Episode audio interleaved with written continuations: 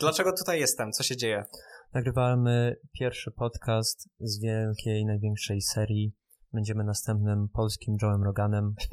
E, zapraszam. Tak, ja również zapraszam. Ten podcast nie ma tematyki. Rozmawiamy o wszystkim i Tam od sauny po biohacking. Co, tak A naprawdę też to jest, ogarniasz biohacking? to jest po prostu bycie zdrową osobą. No, w dużym ogólnieniu tak, no ale potem już dochodzą takie bardziej zawiłe kwestie. Nie wiem, w jakim stopniu ty to ogarniasz. Nie, ja ogólnie się nie interesuję biohackingiem jako takim, co nie, ale no, jak jeżeli biohacking to jest chodzenie regularnie spać, zdrowa dieta, e, zimny prysznic, co nie, No. no to też to robię na takim podstawowym poziomie, co nie. No, na przykład takie rzeczy, jak już ta, tam wspomnia, wspominałeś o okularach, co nie. Mhm. Ile one w ogóle kosztują? No tak 800 takie korekcyjne byś znalazł, ale takie Mhm. już zwyka- zwyczajne zerówki to 20-30 zł. Ja jeszcze osobiście ich nie kupiłem, Mhm. bo e, napisałem do iShielda, czyli por- polskiego e, wykonawcy tych okularów, czy chcą jakąś współpracę, żebym dawał jakieś reklamy na No, początku rozumiem, podcastu. rozumiem. I wtedy bym dostał zniżkę na nie, ale mi nie odpisali jeszcze, więc zwlekam z zakupem dlatego. Okej, rozumiem. No. A jak, kiedy mi napisałeś? A to już jeszcze w Hiszpanii było, bo dopiero co wróciłem. Mhm. Ponad tydzień temu, jak nie dwa. Okej, no to może jeszcze nie No. zobaczyli. No No. więc mój sen nie jest tak dobry, jak być powinien Nie. na ten moment. No ale tak jak mówisz, podstawy to jest 90% myślę biohackingu i efektów, a potem to już dodajesz takie różne małe klocki jak e, kurkumina, jak te złote mleko i różne takie adaptogeny i tak dalej. Czyli Mhm. te dodatki. Więc tak to wygląda. Ale jeszcze z pomysłem na podcast, to czyli masz, będziesz miał dwa kanały, dwa kanały też na Spotify'u. Tak, wszędzie. Ogólnie jeden, tak jak mówiłem, co nie? Professional. To Mhm. poważne tematy, co nie? Finansowe, hossa. No i drugi, jeżeli będę chciał nagrać z moim kolegą Piotrkiem podcast o niczym, no to, to on tam będzie, co nie? Okej. Jeszcze jak tak teraz myślę, pozycja naprzeciwko siebie to jest pozycja konfrontacji.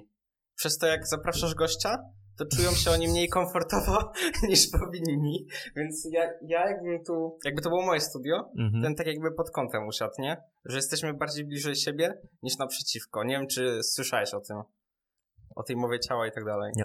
Jest takie Nie. coś, że jak siedzicie naprzeciwko siebie, to jest pozycja konfrontacji. Tak samo chociażby z randkowaniem. Wszyscy randkują i siedzą naprzeciwko siebie, gdzie jest to najgorsza możliwa pozycja i dużo lepiej usiąść koło siebie. Więc tutaj jeżeli takie właśnie smaczki potem jak rozluźnić atmosferę, tak samo właśnie chociażby rozgrzewanie gościa, to jest ważne. Jednak e, z moich początków tak było, że nie do końca to ogarniałem, no to taka sztywna rozmowa wyszła i potem wyłączyłem nagrywanie i gościu się otworzył, zaczął jeszcze tam dopowiadać różne rzeczy, więc ważne jest, żeby rozgrzać gościa. Co do, jak się rozgrzewa gościa?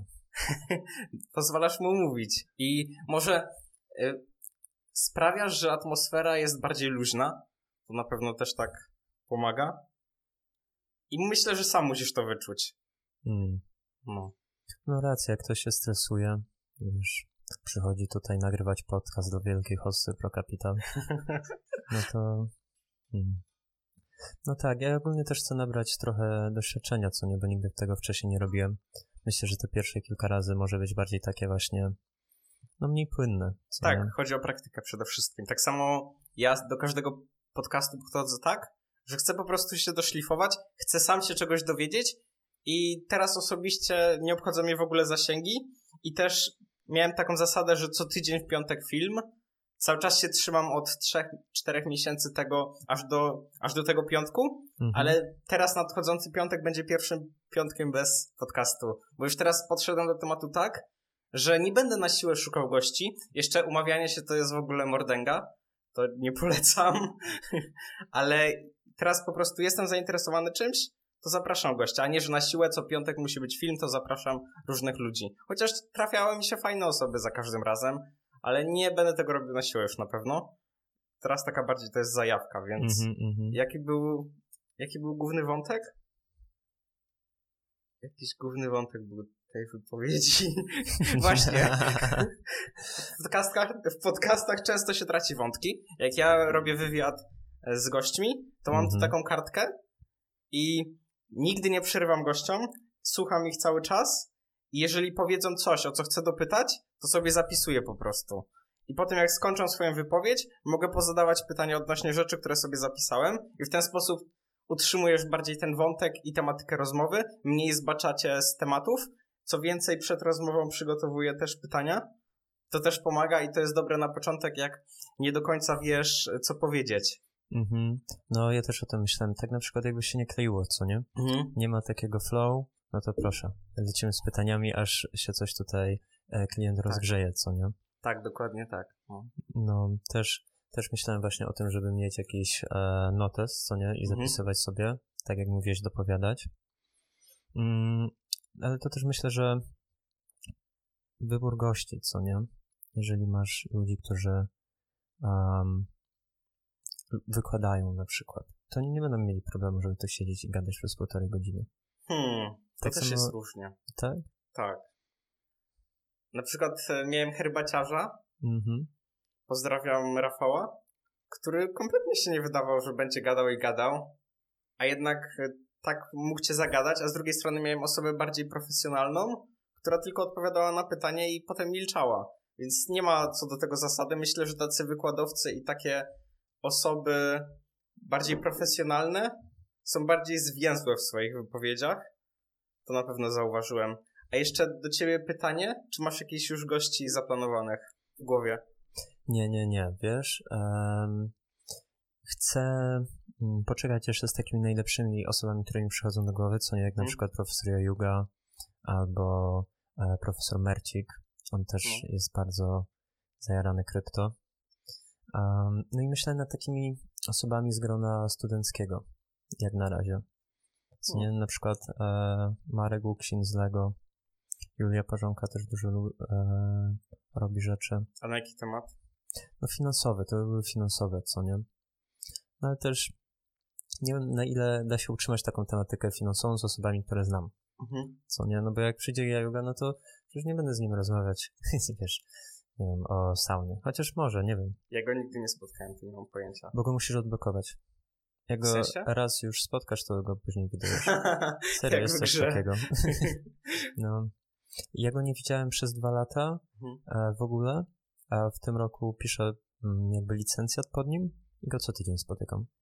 A na jaki temat piszesz? Em, temat dokładnie to będzie, nie wiem, ale on polega na tym, że analizuję sobie sektory na GPW, czy na polskiej giełdzie, Mhm. wybieram sobie optymalny, efektywny sektor i z niego analizuję finansowo spółki i wybieram sobie efektywną spółkę, w którą warto zainwestować. Taki licencjat? No, bo ja uznałem, że to będzie pożyteczne, bo na Tak. koniec dostanę jakiś wynik, co nie? I nie dość, że to będzie jeszcze praca, która ma 30 stron, czyli no myślę, że to będzie dość dobra analiza, to jeszcze Krzysztof Jajula ją przeczyta i da komentarz, więc Tak. no, ja mam wrażenie, że Krzysztof Jajuga to jest polski Warren Buffett czasami. No, Nie, to chciałbym go poznać, to na pewno. A właśnie a propos Warrena Buffetta, to wiem, że jesteś jego fanem i starasz się naśladować jego strategię inwesto- inwestowania, nie? Inwestowania. Więc jest taki gościu na polskim YouTubie, który napisał książkę o Warrenie Buffetcie. Nie wiem, czy widziałeś. o nim jest bardzo dużo książek, ale nie, tej o, tej, o której mówisz, to nie, nie, nie kojarzę. No to też taki jeden z pomysłów na gości. Niestety nie pamiętam imienia. Ale no na pewno byś znalazł. W Stanach oni mówią o czymś, co się nazywa Buffettologia. o, Czyli na ten nauka temat o Buffetcie. można nagrać. O Buffettologii. Czyli no, co, kopiowanie jego zachowań inwestycyjnych? No ogólnie Buffettologia to jest taka myśl Warrena Buffetta, co nie? Mhm. Takie postępowanie. No bo on jakby, jego geniusz leży w prostocie. To jest najfajniejsze w tym wszystkim, co nie? Jeżeli masz e, tą analizę wartościową, co nie, to Mhm. jakby taka fundamentalna zasada jest taka, są, jest kilka fundamentalnych zasad, ale najlepsze jest to, że to wszystko jest logiczne. To wszystko jest logiczne i em, każdy jest w stanie to zrozumieć, bo wszystko ma, wszystko na chłopski rozum działa. Co nie, nieważne z kim ja rozmawiam, jestem w stanie wytłumaczyć im to strategię, oni mówią, no to ma sens, nie? Problem jest w tym, że ludzie nie są logiczni i z mojego punktu widzenia strategia Warrena Buffetta już nie jest e, taka bulletproof, można powiedzieć, czyli e, bezbłędna i nie sprawdza się aż tak dobrze w tych czasach, mam wrażenie. Chociaż też nie robiłem jakiegoś researchu, takie jest po prostu moje wrażenie. Czy ty widzisz, że to już nie sprawdza się tak, jakby sprawdzało się za czasów Warrena? Dobra, a co w niej nie działa? Nie działa to, że rynek jest szalenie emocjonalny.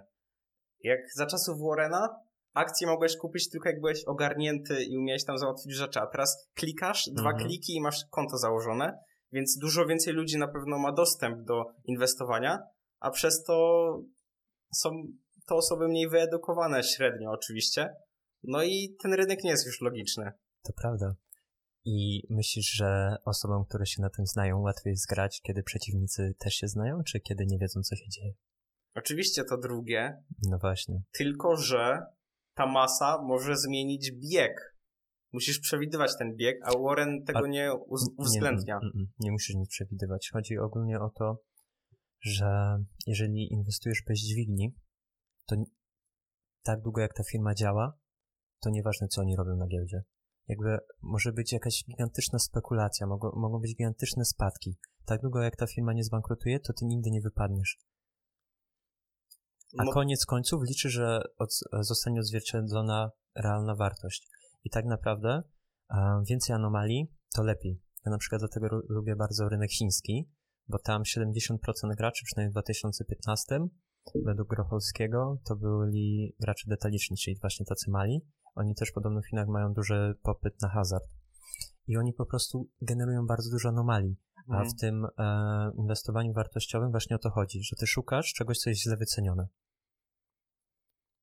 Hmm, do tego jeszcze tak e, drugi cios w stronę Buffetta jest taki, że czasy się coraz szybciej zmieniają. Jest to pewnego rodzaju kula śnieżna nawet. Więc teraz jeżeli zainwe- zainwestujesz w jakąś spółkę i ona Mhm. tam przez 5 lat będzie się wahała, ty mówisz, że patrzysz długoterminowo, ale za 10 lat ona może nie mieć racji bytu, bo już wejdzie jakaś nowa technologia, więc to też jest na minus strategii Warrena. Mm, zależy, co kupujesz. Tak, wiadomo, to zależy. No, bo na przykład, patrz, Warren Buffett mówi, że jego najlepsza spółka to jest Coca-Cola. Mhm. Od ilu lat Coca-Cola działa? No to jest prawda. I tak, to zależy. Tylko teraz coraz szybciej się to zmienia. Coraz szybciej nowe firmy się wyłaniają na rynku, coraz szybciej upadają, więc myślę, że coraz trudniej będzie utrzymać strategię Warrena jako strategię optymalną. Chociaż ja, ja nie siedzę aż tak bardzo teraz w inwestycjach, bo ja osobiście inwestycje traktuję jako dodatek, chcę się skupić na biznesie, na zarabianiu grubych pieniędzy, a inwestycje mają mi albo podtrzymać wartość moich aktywów, albo minimalnie je rozwijać, ale nie chodzi mi o to, żeby robić kokosy na inwestycjach, więc w ogóle mało czasu na to poświęcam, ale tak jak teraz myślę o tej strategii Buffetta, to takie widzę przeciwności. Mhm, mhm. Jak ty w ogóle do tego podchodzisz? Bo z tego co kojarzę, masz cały plan inwestycji do emerytury, tak? Ten plan jest banalny. Ten plan to jest najprostszy plan, jaki można stworzyć w inwestowaniu, bo ja po prostu kupuję indeksy. A może wytłumaczę, co to jest. Czyli to jest jeden produkt, jeden instrument finansowy, który ma w sobie malutkie cząsteczki największych firm danego kraju. Czyli na przykład S&P 500 to masz pod jednym, jed, jedną kwotę płacisz, kupujesz jeden produkt i masz 500 największych firm Stanów Zjednoczonych. Tak samo masz dla Polski, WIGA na przykład 20 ja kupuję, co nie? Kupujesz WIGA 20? No, Przecież to są same spółki państwa prawie. to prawda, ale mm, były bardzo, bardzo, bardzo tanie. Ja ogólnie nigdy nie chciałem ich kupić. Po prostu w pewnym momencie sprawdziłem, że e, wskaźniki ceny do zysków są najniższe od chyba 30 lat. Uznałem, że już tak tanio to może już nie być. E, I na pewno nie było tak tanio od dłuższego czasu. Więc no kupiłem stare polskie śmiecie. E, no, Polska się rozwija, co nie? A z drugiej strony masz też WIG 40, on też chyba jest tani. Mm, wiesz co, ja kupiłem tylko dwudziestkę. Ale nie robiłem jakiejś większej analizy, czy tam dwudziestka, czy czterdziestka. No jakby był WIG 500, to bym chyba kupił w sumie WIG 500. Ale bardziej do czego pieje, to to, że 40, WIG 40, kupując go, unikasz już tych politycznych zawirowań, bo mniej firm jest państwowych już. Dalej masz jeszcze WIG 80 i jest już ETF na WIG 80. Mhm, jest- tak? Nie wiedziałeś? Nie, od kiedy jest? Ja już nawet mam go kupionego. WIG 80? Już chyba dobry rok. Tak? Nie, nie, bo ja ogólnie... Mm, ja aktywnie w ogóle nawet nie sprawdzam giełdy. Mhm. Ja jestem bardzo pasywny. Jakby to jest też sztuka tego, bo jeżeli ja na przykład, mm, moja dziewczyna też inwestuje oszczędności, Mhm. co nie? I ona się czasem mnie pyta, czy powinna kupować same obligacje, bo ona nie, nie chce stracić, czy powinna jednak też zainwestować w te akcje. Ja jej zawsze mówię, że ona ma idealny profil inwestora, bo ona nigdy nie spanikuje, bo ona po prostu nie wie, co się dzieje. Zupełnie tego nie śledzi, co nie? I to jest bardzo duży plus, bo ciężko jest spanikować, jeżeli nie wiesz, że akcje spadają. Tak, największym przeciwnikiem inwestora są emocje. No, to prawda. Chciwość głównie i strach. No, myślę, że mogę się zgodzić, ale właśnie, właśnie, e, co ja chciałem teraz powiedzieć? Hmm, takie są podcasty, ale bardzo mi się podoba już ta form, forma interakcji, bo jak ja nagrywałem podcasty to online, to jest całkiem inne, inna chemia pomiędzy rozmówcami, niż właśnie będąc twarzą w twarz, więc kurde, muszę pomyśleć nad takim studiem i zaczęciem nagrywania na żywo. Witaj w hoście. Hosta ma dostęp do tego studia. No Chcesz wiem, nagrać wiem, podcast ale- w studiu? to nie jest takie proste, no jak ludzie ledwo się zgadzają czasem ze mną rozmawiać, a teraz mam ich, ich jeszcze namówić, żeby przyjechali do Wrocławia, to też trochę No nie, no, no nie, no tak specjalnie to do ciebie raczej nikt nie przyjedzie. Zależy skąd, no bo dobra, z Opola godzinka, no to może, co nie? Ale dużo osób mieszka we Wrocławiu. Tak, to prawda. No, To prawda, ale uciekłem od tematu, który był niewygodny, tematu inwestycji. Rozmawialiśmy o WIG-ach, ale się dziwię, że nie wiedziałeś, że jest WIG 80. Trąbili o tym wszędzie. ETF nie, nie słyszałem. No bo tak jak mówię, ja nie śledzę w ogóle newsów. Co nie, ja w ogóle nie gram na newsy. Mnie to w ogóle nic nie obchodzi. Mnie tylko z, e, interesuje realna wartość przedsiębiorstwa, co nie? No i właśnie, i twoja strategia, wracając do niej, polega na tym, że kupujesz te indeksy, olewasz newsy, skupiasz się na długofalowym trendzie i co, i masz wyliczone, Nie, że... długofalowy, e, jak popatrzysz na trendy, to trendy na WIG-u są e, horyzontalne. To ani nie rośnie, ani nie spada. To jest stagnacji. Mnie interesuje tylko i wyłącznie rozwój. Realny rozwój. Ale to w WIG-u nie ma rozwoju w takim razie. A spytaj się swoich, o, swojego ojca W sensie? albo swojego dziadka. W sensie mówisz teraz, że WIG porusza się horyzontalnie i nie rośnie i nie maleje. To jest tylko ruch ceny. A ja nie kupuję e, ceny. Ja kupuję Polskę, co nie? Nie do końca cię rozumiem, no bo mówisz teraz, że WIG nie rośnie, a potem mówisz, że kupujesz go dla wzrostu cen. Nie, nie, nie. Ja go kupuję dla wzrostu realnej wartości przedsiębiorstw. Czyli ja ogólnie indeks to jest najbliższa jakby reprezentacja inwestowania w całość kraju Mhm. gospodarczą. Co nie? Czyli ja patrzę na rozwój kraju.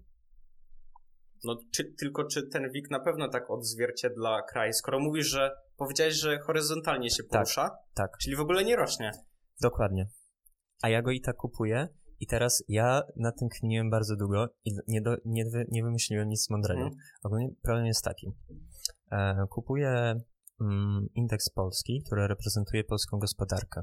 Polska gospodarka się rozwija, jak popatrzysz na 20 lat temu to była bieda, teraz jest trochę mniejsza bieda. E, tak jak mówię, to nie jest jakaś specjalna super gospodarka, co nie, ale było tanio, więc kupiłem. Mhm. Um, ale ceny tego nie odzwierciedlają. Ruszają się horyzontalnie, góra, dół, góra, dół, ale dalej nie ma wzrostów. I dużo osób się nie pyta, mówi mi, po co ja to kupuję, jeżeli to leci horyzontalnie, co nie? Na tym się nie da zyskać, góra, dół, coś tam, bez żadnych wzrostów. No i to jest myśl właśnie takiego, no właśnie bardziej taka, takiego tradera, że oni patrzą na ten wykres. No ty jesteś przeciwieństwem tradera. Tak, a ja patrzę e, na gospodarkę i ja kilka miesięcy temu natrafiłem na taki wycinek z wywiadu Warrena Buffetta Mhm. i on właśnie rozwiązał moje wątpliwości. On mówi, że to nie ma znaczenia, że akcja była w stagnacji przez ostatnie 20 lat, co nie?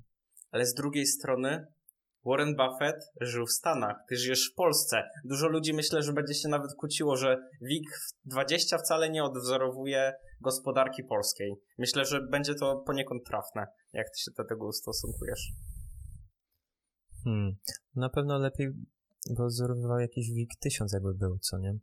Tak, ale też w Polsce nie ma takiej, takiej, takiej kultury e, wchodzenia na giełdę, jak jest to w Stanach Zjednoczonych. Nie ma takiej kultury giełdy ogólnie, więc to też nie, nie jest takie, takie jak w Stanach, że się odzwierciedla jeden do jednego. W Stanach może jest 0,9, ale w Polsce nie ma aż takiego odzwierciedlenia, bym powiedział.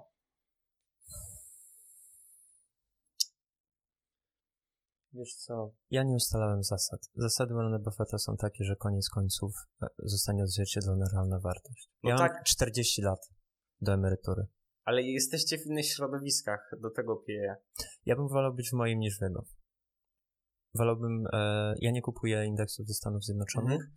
bo tam po prostu były bardzo duże e, wzrosty w ostatnim czasie. Tak, to prawda. I właśnie wszyscy mówią, patrz, tutaj tak rośnie, a tu jest stagnacja. Który jest lepszy? Ten, co rośnie, czy ten, który jest stagnacji? No to zależy, stary, bo jeżeli tam są wzrosty adekwatne do wzrostów na przykład zysku, to to nie ma znaczenia, że tam rosło. Jeżeli u nas jest stagnacja, bo e, wzrost gospodarczy jest w stagnacji, to też jest na zero, co nie? Ale jeżeli na przykład u nas jest wzrost, a indeksy tego nie pokazują, to jest okazja, co nie? Co, że taka sprężyna się napręża i w pewnej tak. chwili puści? Tak, tak, tak. No. Ale do czego ja jeszcze pieję, to to, że strategia Warrena Buffetta została stworzona pod Amerykę. A teraz jak ty bierzesz tą strategię i wprowadzasz ją w Polskę, to może nie do końca się sprawdzić. Hmm. Tak, to jest bardzo trudne. Trudny temat, bo w ogóle nie jesteśmy przygotowani do niego, nie? No nie wiem, mi się wydaje, że ja w miarę jestem. To teoretycznie, wiesz, to jest jakby moja strategia inwestycyjna, więc już na, tym, na ten temat myślałem. Mhm. Um, ogólnie nie ma nic um, mądrzejszego niż inwestowanie w wartość. Bo w co byś miał inwestować, jak nie w coś, co ma wartość?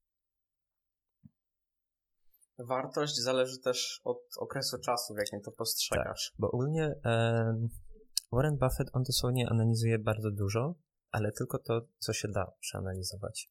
Co nie? Czyli na przykład jakby, nie wiem, jakby chciał przewidzieć mm, cenę ropy za rok, no to on tego nie zrobi, bo na ropę wpływa tyle czynników, że to jest nierealne, żeby mhm. to przeanalizować, co nie? On patrzy na przykład na sprawozdania finansowe. Tak samo możesz patrzeć na sprawozdania finansowe w Polsce, jak i w Stanach Zjednoczonych.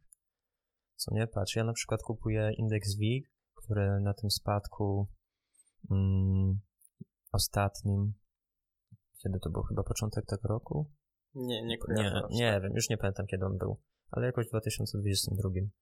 E, no to tam spadło PE, chyba było w okolicy 8, gdzie w Stanach Zjednoczonych teraz PE jest powyżej 20.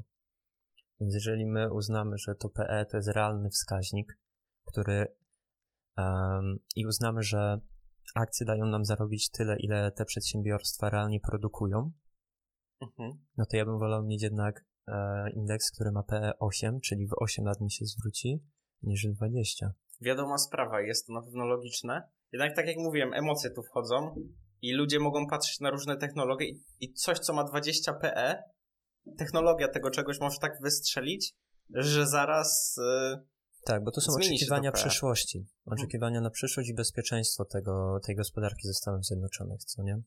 No bo w Polsce no, te spadki na pewno też były wywołane tym, że ludzie się po prostu obawiają o sytuację na Rosji, co nie? Jeżeli tutaj wkroczą wojska rosyjskie, no to wszystko pójdzie w pizdu, co nie? W Stanach Zjednoczonych oni mają gigantyczną armię, tam nie ma takiego ryzyka. Mm. Tak, ale właśnie, zamknijmy już temat tego, w jakie aktywa inwestujesz, a teraz powiedz, jaka jest twoja strategia, jak dokładasz do portfela mm -hmm, i jaki mm -hmm. jest twój cel. Okej, okay, więc jeżeli chodzi o mój portfel emerytalny, no to tam trzymam te indeksy. Mhm. To tam ja, ja, mam 100% e, w akcjach, 100% w tych indeksach i po prostu co jakiś czas, mm, jak mam gotówkę, to kupuję sobie taki indeks. Co nie, to, jest, to są pieniądze, które mają na celu zapewnić mi prywatną służbę zdrowia, jak będę na emeryturze. Mm, no i to jest taki główny cel. No i może część z tego będę w stanie e, rozdać później na, na jakieś cele charytatywne, co nie?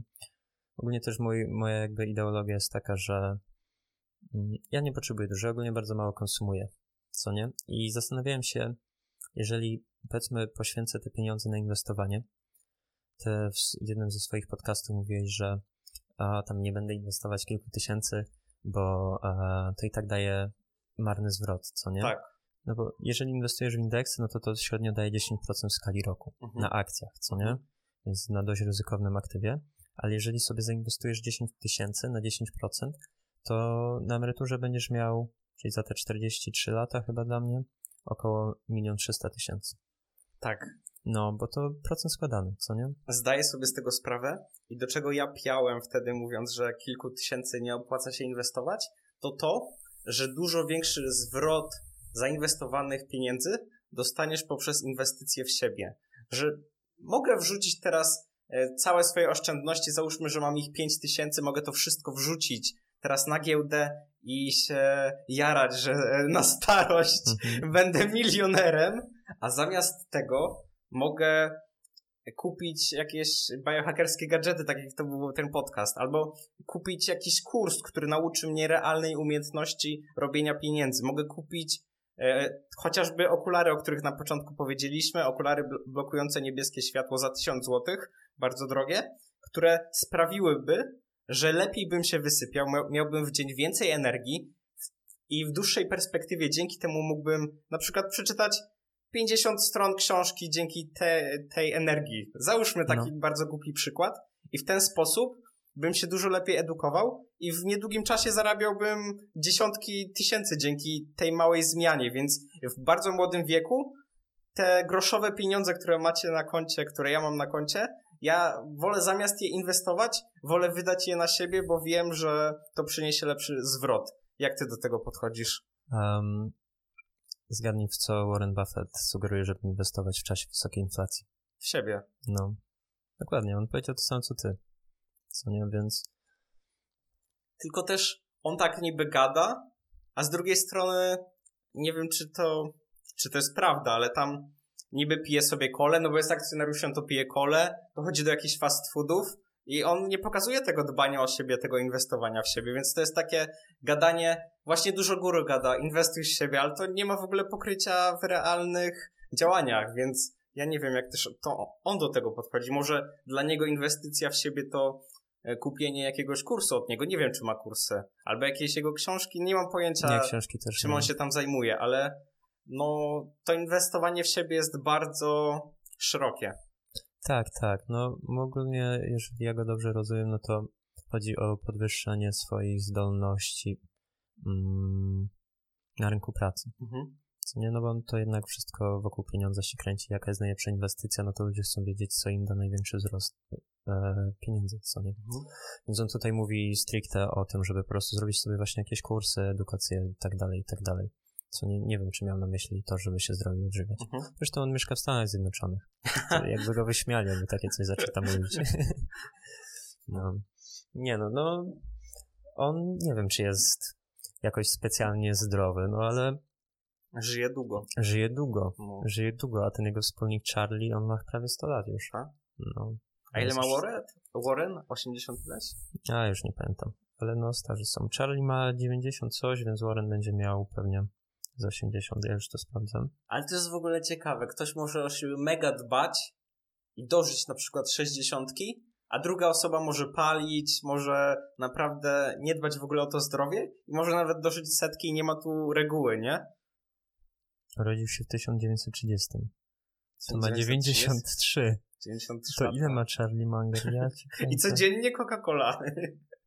to jest niebywałe. O. Wszystkie bakterie e, z niego tam. A, on jest tylko 6 lat starszy, czy on ma jakieś 99? Hmm. No, ale to jest takie trochę niesprawiedliwe. Życie jest w ogóle niesprawiedliwe, świat jest niesprawiedliwy. Ale my wygraliśmy już lotery. Tak, to 3 prawda. czwarte chyba świata żyje w e, krajach trzeciego świata? Mhm. Czy coś takiego? Tak, my jesteśmy bardzo szczęśliwi jako, jako my. No, perspektywa w ogóle też może nadać dużo szczęścia Tak. życiu, nie?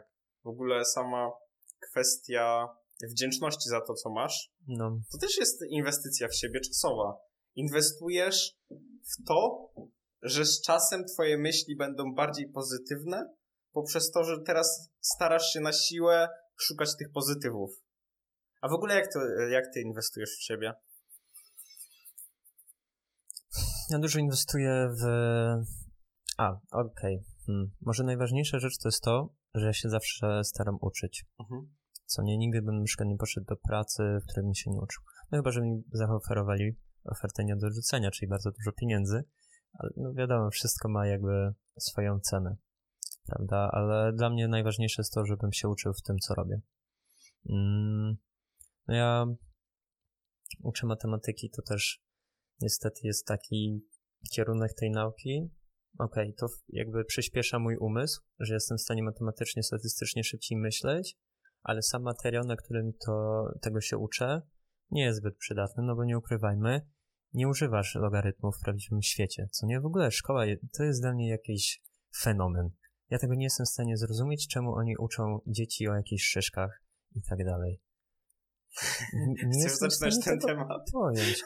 Nie, nie chcę, bo ja nie jestem ekspertem w tym temacie. Jakby to zapewne ma jakieś. E, państwo ma jakiś cel w tym.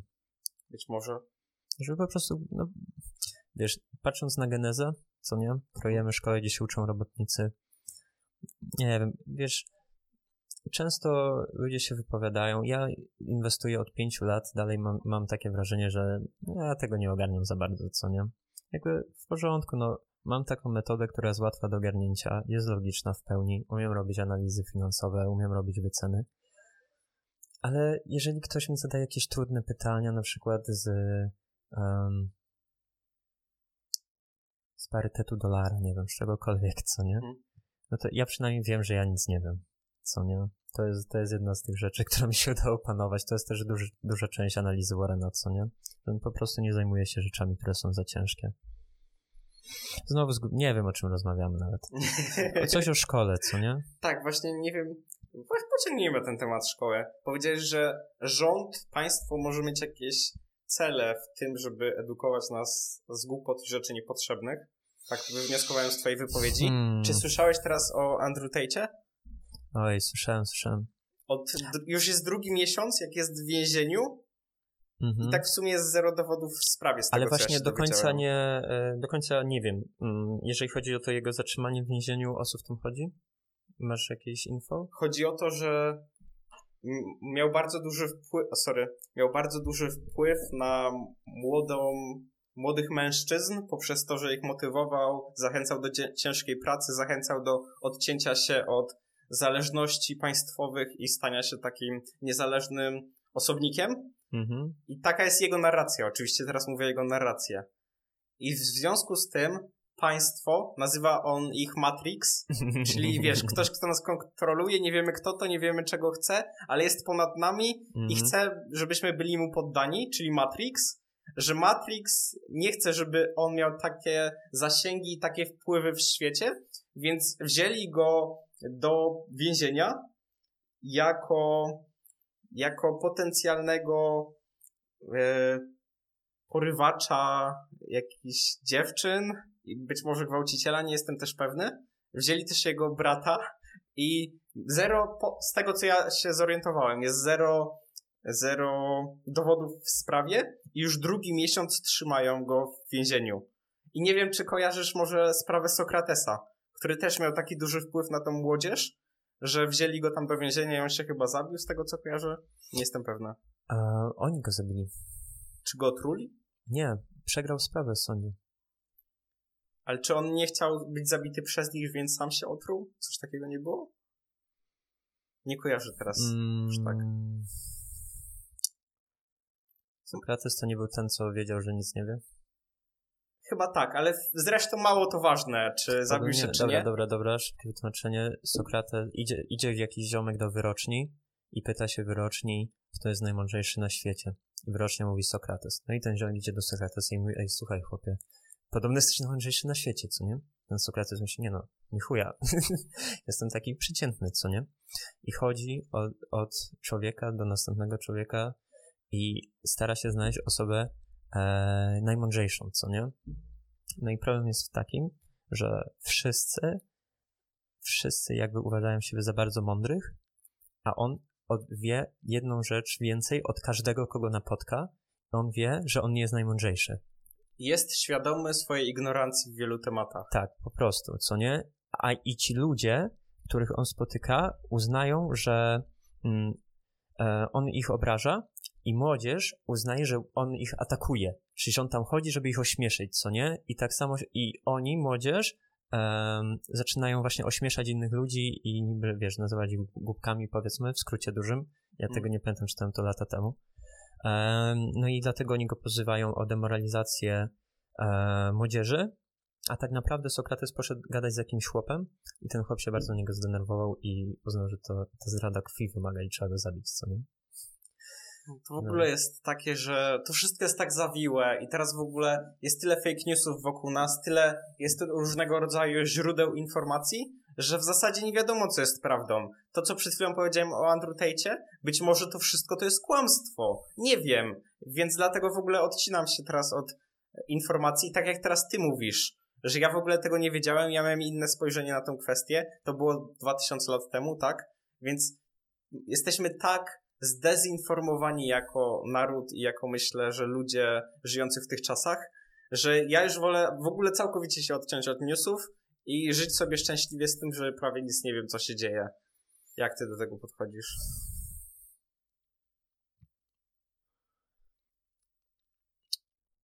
Musisz mieć zdolność nawigowania w systemie, w którym się znajdujesz. Ogólnie mm, możesz albo spróbować uciec z Matrixu, co jest trudne. Um, możesz albo pozwolić, żeby cię machina wciągnęła jako e, jakiś trybik, co nie? I nie ma w tym nic złego, może akurat lubisz coś takiego. Jeżeli mhm. to lubisz, no to Dużo proszę ludzi bardzo. to lubi, jest to bezpieczeństwo, więc na pewno nie jest to takie złe. Tak, oczywiście. Jakby, mm, wiesz, nie każda praca to jest praca w fabryce, gdzie jesteś jak robot na taśmociągu zwykła praca może być bardzo przyjemna. Ja na przykład lubię zwykłą pracę. Mhm. Ale no akurat uznałem, że to nie jest jakby dla mnie. To już jak byłem małym dzieckiem tak w ogóle, bo ja w pewnym momencie się zapytałem e, mojego taty, on tam miał swojego pierwszego pracownika, ile, ile ten pan zarabia. I on mi tam powiedział, że to było 9 zł na godzinę. Ja uznałem, że on żartuje. To było lata temu, co nie? E, uznałem, że to żartuje, bo on za godzinę pracy nie mógłby kupić sobie jednego obiadu w restauracji. Mhm. I uznałem, że to jest bez sensu, że jeżeli jesz trzy posiłki dziennie, to byś cały dzień, część dnia, co nie, chyba tam e, połowę z tych godzin byś musiał pracować na to jedzenie. Tak. I uznałem, że to jest żart. I jak się dowiedziałem, że to jest prawda, że tyle ludzie naprawdę zarabiają, mhm. to uznałem, że ja nigdy nie chcę w miarę możliwości pracować za e, najniższą krajową, co nie, że chcę stworzyć coś, takie właśnie bardziej albo samo zatrudnienie, gdzie będę dostawać realną wartość tego, co wytwarzam, albo, albo jakiś biznes. Więc ja jako dziecko na przykład nigdy, mm, nigdy nie dorabiałem. Jedyne co, to czasami pomagałem mojemu ojcu e, w jego kancelarii, ale to tam taka, taka praca przywieźć, zawieźć, co nie. No ale chciał, żebym mu pomógł, no to nie odmówił mu przecież. To jest y, ciekawa analogia, ale jak mówisz, to było bardzo dawno. Teraz jest tak, że ta klasa średnia ma dobrze. Tak z moich obserwacji. Że możesz sobie tam być jakimś informatykiem, pracować sobie od 10 do 15 i żyć na mega dobrym poziomie. No tak, oczywiście. Jasne, przecież jak masz dobre wykształcenie, idziesz do korpo, możesz naprawdę fajne hajs zgarniać, pracować z fajnymi ludźmi. Jakby, wiesz, praca no to jest po prostu tworzenie czegoś. Każda praca jest inna. Nie ma czegoś takiego, że o, każda praca jest zła, musisz zostać biznesmenem, musisz inwestować na giełdzie mm. i odciąć się całkowicie od Matrixa, bo Matrix został stworzony przez ludzi, co nie? Oni go sobie stworzyli. Nikt ci nie każe iść pracować w fabryce, możesz sobie wybrać, gdzie chcesz iść pracować, co nie? Oczywiście czasami jest słaby rynek pracy, jest duże bezrobocie, no i wtedy musisz pracować, żeby mieć co jeść. Ale jakbyś mógł wybrać pracować czy nie jeść, no to ja w tak ogóle, ja w ogóle teraz słyszałem niedawno anegdotkę, że w tym momencie, jeżeli wystąpi kryzys, to polega on na tym, że przeciętny obywatel nie pojedzie na wakacje na Szeszele czy gdzieś tam daleko, tylko nad polskie morze. I na tym polega kryzys w tych czasach, że jesteśmy już na takim etapie dobrobytu, mhm. że twoje życie się nie zmieni jakoś drastycznie z powodu kryzysu i chyba teraz to widzimy. No jest kryzys, to jest niewątpliwe. Mniej ludzi dostaje kredyty, kredyty są drogie, mniej wszystko się rozwija, więc na pewno mamy teraz kryzys, jednak nie jestem pewny, nie mam takich danych, ale tak myślę, że taki przeciętny pracownik nie ucierpiał na tym jakoś znacznie. Poczekaj na procent składanej inflacji. Jeżeli się utrzyma przez dłuższy czas, stary, to była masakra. Jakbyśmy uznali, że inflacja na żywności to 30% się utrzymuje przez 5 lat, pewnie byś stracił 4 piąte swojej zdolności no tak, finansowej, no, no to była masakra, ale no wiesz, nic ci się nie stanie takiego, to jest taki kryzys, wiesz, rzeczy drożeją, no dobra, no mniej sobie skonsumujesz. Teraz oczywiście jak ktoś to słucha i kto serio ucierpiał, to myśl, może sobie pomyśleć, co za ignorant ze mnie. Ja tak mówię tylko, że tak to teraz zauważam. W ogóle cały podcast jest bez planu i nie, nie, nie planowałem, co tu powiem, po prostu gadam to, co mi przychodzi do głowy i wszystko, co mówię, może być błędne. Tak teraz y, chcę się obronić, no bo nie no, stary, no to jest normalne. Dobrze, że wiesz, że nic nie wiesz, co nie? Bo ja się domyślam, ważne. że ten kryzys mógł się źle odbić na dużej ilości na ludzi pewno. i dużej ilości żyć, więc też e, może nadwyrost, to, to powiedziałem, to co przed chwilą powiedziałem, że mało kto ucierpi. Na pewno cierpią wszyscy, ale myślę, że e, z głodu mało osób umrze. Oj, że tak. przetrwają, tak. przetrwają ten tak, kryzys, tak, co nie? Tak. Mm, no, może być różnie, wiesz, jak cię nie stać na spłatę kredytu. No, no, no, może teraz ciężko. No wyobraź sobie, że zarabiasz taką piątkę, zarabiasz, miałeś e, kredyt hipoteczny półtora mhm. i rośnie się do trzech. No to, to nie jest ciekawa sytuacja, to na pewno. Mhm. No ja też na przykład nie wiem, jaka jest skala tego, o ile ta rata realnie może wzrosnąć tym ludziom. Co nie, bo często się tak mówi, na przykład historia kredytów e, frankowych. Mm, wszyscy na tym tracą, okropna rzecz, co nie? Ja robiłem raz analizę kredytów frankowych na konferencję i stary mi wyszło, że kupiłeś w, tam w kilku latach, to ci ludzie nawet tego nie wiedzą, ale oni wyszli na tym lepiej niż jakby mieli złotówki. No oczywiście, dlatego właśnie to robili. Ale ci ludzie to są ci ludzie, którzy krzyczą kredyty frankowe, pomoc dla frankowiczów, nie jesteśmy w stanie spłacić kredytu, coś tam, coś tam. Oni nawet sobie nie zdają sprawy, jak, jak dobra to była oferta w tamtym czasie, że oni nawet po tych e, wzrostach mm, dolara, e, część z nich i tak wyszła na plus, niż jakby wzięła ten kredyt w złotówkach. Tak? Tak. Nie wiem, ale też ludzie idą za tłumem. Jak ktoś ci krzyknie e, kredyty B, e, kredyty frankowe B, musimy im pomagać i tak dalej, no to jak ktoś ma taki kredyt, to od razu chce łapać wszystkiego. No dajcie mi tą darmową tak. kasę, pomóżcie mi. No na pewno. Też mało w mhm. tym logiki. Na pewno się nie spodziewali tego, co ich spotkało, co nie, ale perspektywa tego, że jakby w tamtym momencie taki sam kredyt wzięła, wzięli w złotówkach, to duża, duża grupa z nich i tak na tym lepiej wyszła, mimo tych zawirowań z kursem. Tak, to jest ciekawa sprawa. Tak, ja nie byłem Musiałbyś w stanie to uwierzyć. Ja dzwoniłem wtedy na Teamsie do mojego ziomka, który mnie uczył matematyki finansowej, e, pana profesora, przepraszam. I się go pytam, czy to jest realne, czy mi to dobrze wyszło. On mówi, że tak. I ja miałem taki, wow, co? Musiałbyś, myślę, nagrać na ten, na ten temat podcast. Bo ja jestem to... ciekaw, jak, jak ty tam to obliczałeś i tak dalej, mm -hmm, bo mm -hmm. też mi to w to trudno uwierzyć, szczerze powiedziawszy. Tak, bo jakby jest, jest ten e, taki okres, że jak kupiłeś na dołku oczywiście, no to na tym okropnie źle wyszedłeś. Mhm. Ale jeżeli kupowałeś tam e, już po tych pierwszych wzrostach, to tam w porównaniu do oprocentowania na złotówce, no to wychodzisz na tym i tak na plus. Ale mm, problem jest w tym, że przez to, że tam były niższe stopy, niższe oprocentowanie tego, to ty mogłeś wziąć więcej niż na tym na złotówkach. To znaczy, że ryzyko po prostu nie było adekwatne dla ciebie ustalone. Te zmiany kursu walutowego, to ryzyko miało ogromny wpływ i ty mogłeś się bardzo w złej sytuacji się znaleźć, tak realnie, życiowo. Bo ja mówię tylko o procentach tego, że tam na tym złotówkowym to byś tam, wiesz, 10, 20, mhm. nie wiem ile procent wyszedł gorzej, ale no życiowo to na pewno ci musiało bardzo, bardzo mocno uderzyć. To jest w ogóle skomplikowana kwestia. I też mówisz, że kupiłeś już po tych spadkach największych, po wzrostach największych. Mm-hmm. No ale kto teraz kupował po wzrostach największych, jak e, chwilę temu się okazywało, że jest to bardzo chwiejne. No prawie nikt w takich sytuacjach nie brał tego kredytu. Hmm, no możliwe, no możliwe w sumie. I nie, nie patrzyłem jakby na strukturę, gdzie dokładnie było ile kredytów, ale Mhm. masz rację, jeżeli o to... Hmm, no, pewnie tak, pewnie tak. To jest właśnie ta odwrotność jakby, e, jeżeli chodzi o wszystkie rzeczy na giełdzie, co nie?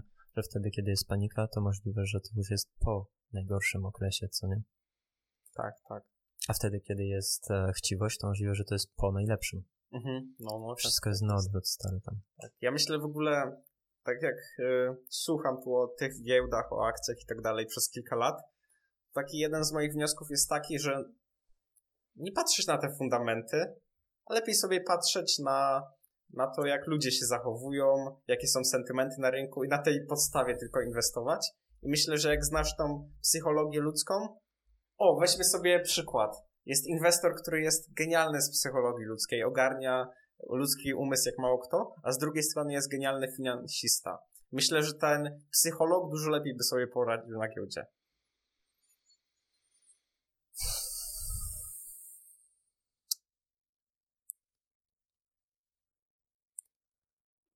Ważne jest e, znajomość psychologii pod względem m, zarządzania sobą, ale przewidzenie tłumu mm, to jest bardzo droga według mnie.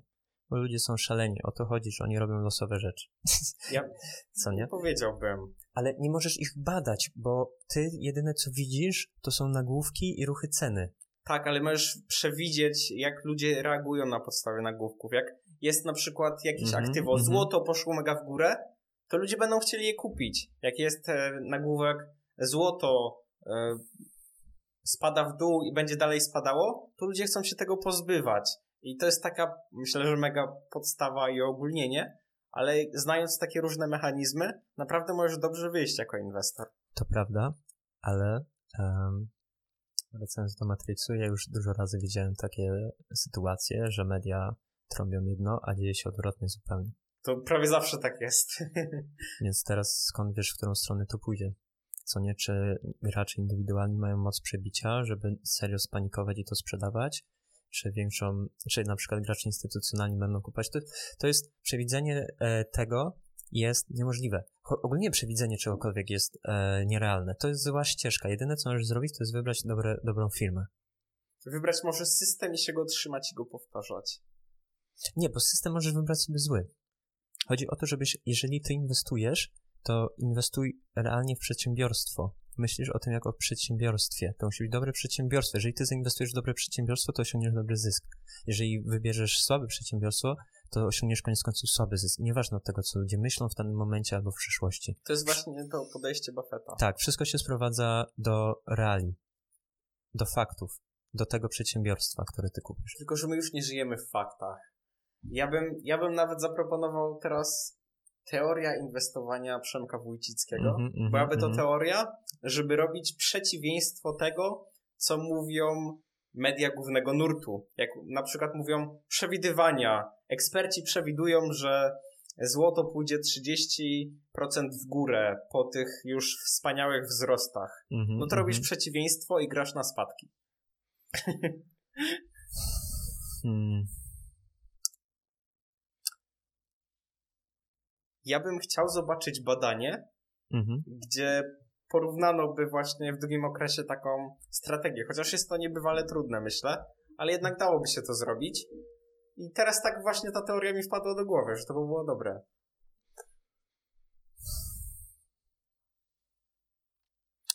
Co ekspert to inna opinia. Kogo byś słuchał, kogo byś nie słuchał. Tak naprawdę. Jedni mówią, że rośnie, drudzy, że spadnie. Tak, ale teraz mówię o tych ekspertach głównego nurtu, czyli takich Mhm. ekspertach e, w garniturkach. Banki na przykład? Proszę? Banki inwestycyjne? Coś na takiego? przykład, chociaż, chociażby nawet e, prezesi banków centralnych. Mhm, Robić mhm. przeciwieństwo tego, co oni przewidują, to by była dobra taktyka. Hmm. Dla mnie osobiście e, brzmi to bardzo trudno. Jakby ja wolę kupić sobie po prostu firmę, która produkuje makaron i ma bardzo duże zyski i makaron jest smaczny. Tak, ja cię rozumiem, tylko właśnie moim zdaniem ta, ta taktyka już nie ma racji bytu, że to, to już nie są czasy tej taktyki. Już kiedyś nie były czasy tej taktyki. E, podczas banki.com nie było czasu na tej taktyki. Był tam taki ziomek Kramer i mówi, wszyscy, którzy e, nie kupują tych spółek, to są debile, to jest nowa era, nasza nowa era, teraz trzeba kupować spółki internetowe, co nie? Oni powiedzieli, że wtedy właśnie, że wtedy jeszcze e, no to się ogólnie nazywa mm, jakby szkoła Grahama, co nie? A, że ta szkoła Grahama nie działa, że to już jest przeszłość. Właśnie wtedy powinni słuchać. No, to były masakryczne wtedy straty na giełdzie. O, wtedy by zastosowali moją taktykę inwestycyjną i robiliby przeciwieństwo. Jak media głównego nurtu mm-hmm, mówią, mm-hmm. że, e, że taktyka Buffetta nie działa, to wtedy w nią pójść. Ale ogólnie ogólnie to teraz, jak mi powiedziałeś o tym, że już kiedyś też tak myśleli, to myślę, że wiem, że nic nie wiem. No, oni za każdym razem tak myślą, jak są gigantyczne jakieś wzrosty, że to już to jest tam 10% w skali roku, czy tam Buffett wyciąga 23 w skali roku. Weź w ogóle sobie po co ten zawracać głowę, jak tutaj na tej pięknej spółce internetowej, która jeszcze nie sprzedaje nic, ale Masz super prospekty, możesz wyciągnąć 20% w jeden dzień. Albo na tym krypto. Stary, na tym krypto to możesz zarobić o wiele więcej niż 10%. No, ale to teraz, myślę, że teraz jest znowu tendencja wracania do tego ta Buffettu, Buffetta, co? Ja nie wiem, szczerze. Ja się obracam w takim kręgu, że dużo ludzi jakby respektuje tą strategię, ale co się tam dzieje mm, w takim świecie spekulantów. Czy hmm. oni się odwracają od tego? Nie wiem. Ciężko no tak. powiedzieć. Tak.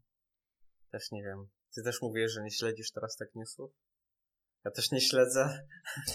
Twoją strategię w ogóle też bardzo sławna osobistość zaproponowała. E, pan Isaac Newton. Słyszałeś tą historię? Nie, nie słyszałem, masz opowiedzieć. Okej, okay, więc e, pan Isaac Newton grał na giełdzie. Jeżeli się nie mylę, to była bańka tulipanowa Czyli w pewnym momencie e, w historii, kilkaset lat temu, kiedy jeszcze była giełda w Amsterdamie, kiedy Holandia była taką gigantyczną potęgą, później Anglia, później Stany, następnie pewnie Chiny, zobaczymy, to nie było krypto, tylko były tulipany. Mhm. No ale te tulipany, mm, były bardzo fajne. Jeden tulipan mógł kosztować nawet 200 świń. W sensie to nie był tulipan, tylko sezonka, czyli ta tak, tak. cebulka. Ja już kojarzę historię, tak, ale do. To były e, rzadkie tulipany. No i oni spekulowali na wzrosty, naprawdę dużo można było na tym zarobić.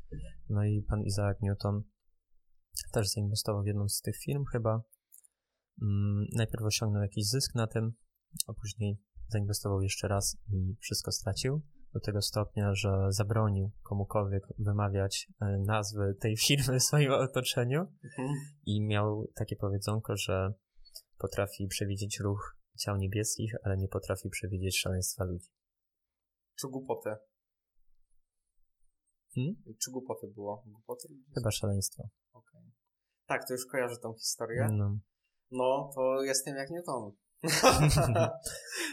nie no, no, jeżeli chodzi o przewidywanie różnych rzeczy, to przewidywanie tego, co zrobią ludzie, szczególnie jakbyś na przykład próbował graczy detalicznych przewidzieć, nie szedłem w tę stronę.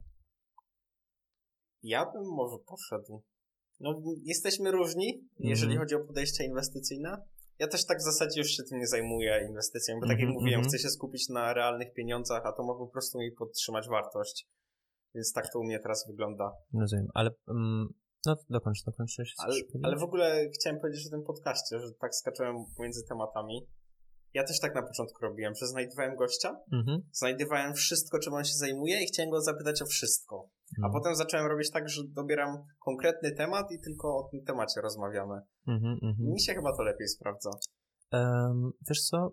Ja chcę i tak, i tak, a ten podcast miał być właśnie taki, więc idealny. Okej. Okay. Musimy tak sobie siedzieć i właśnie freestylować. Taki był zamysł.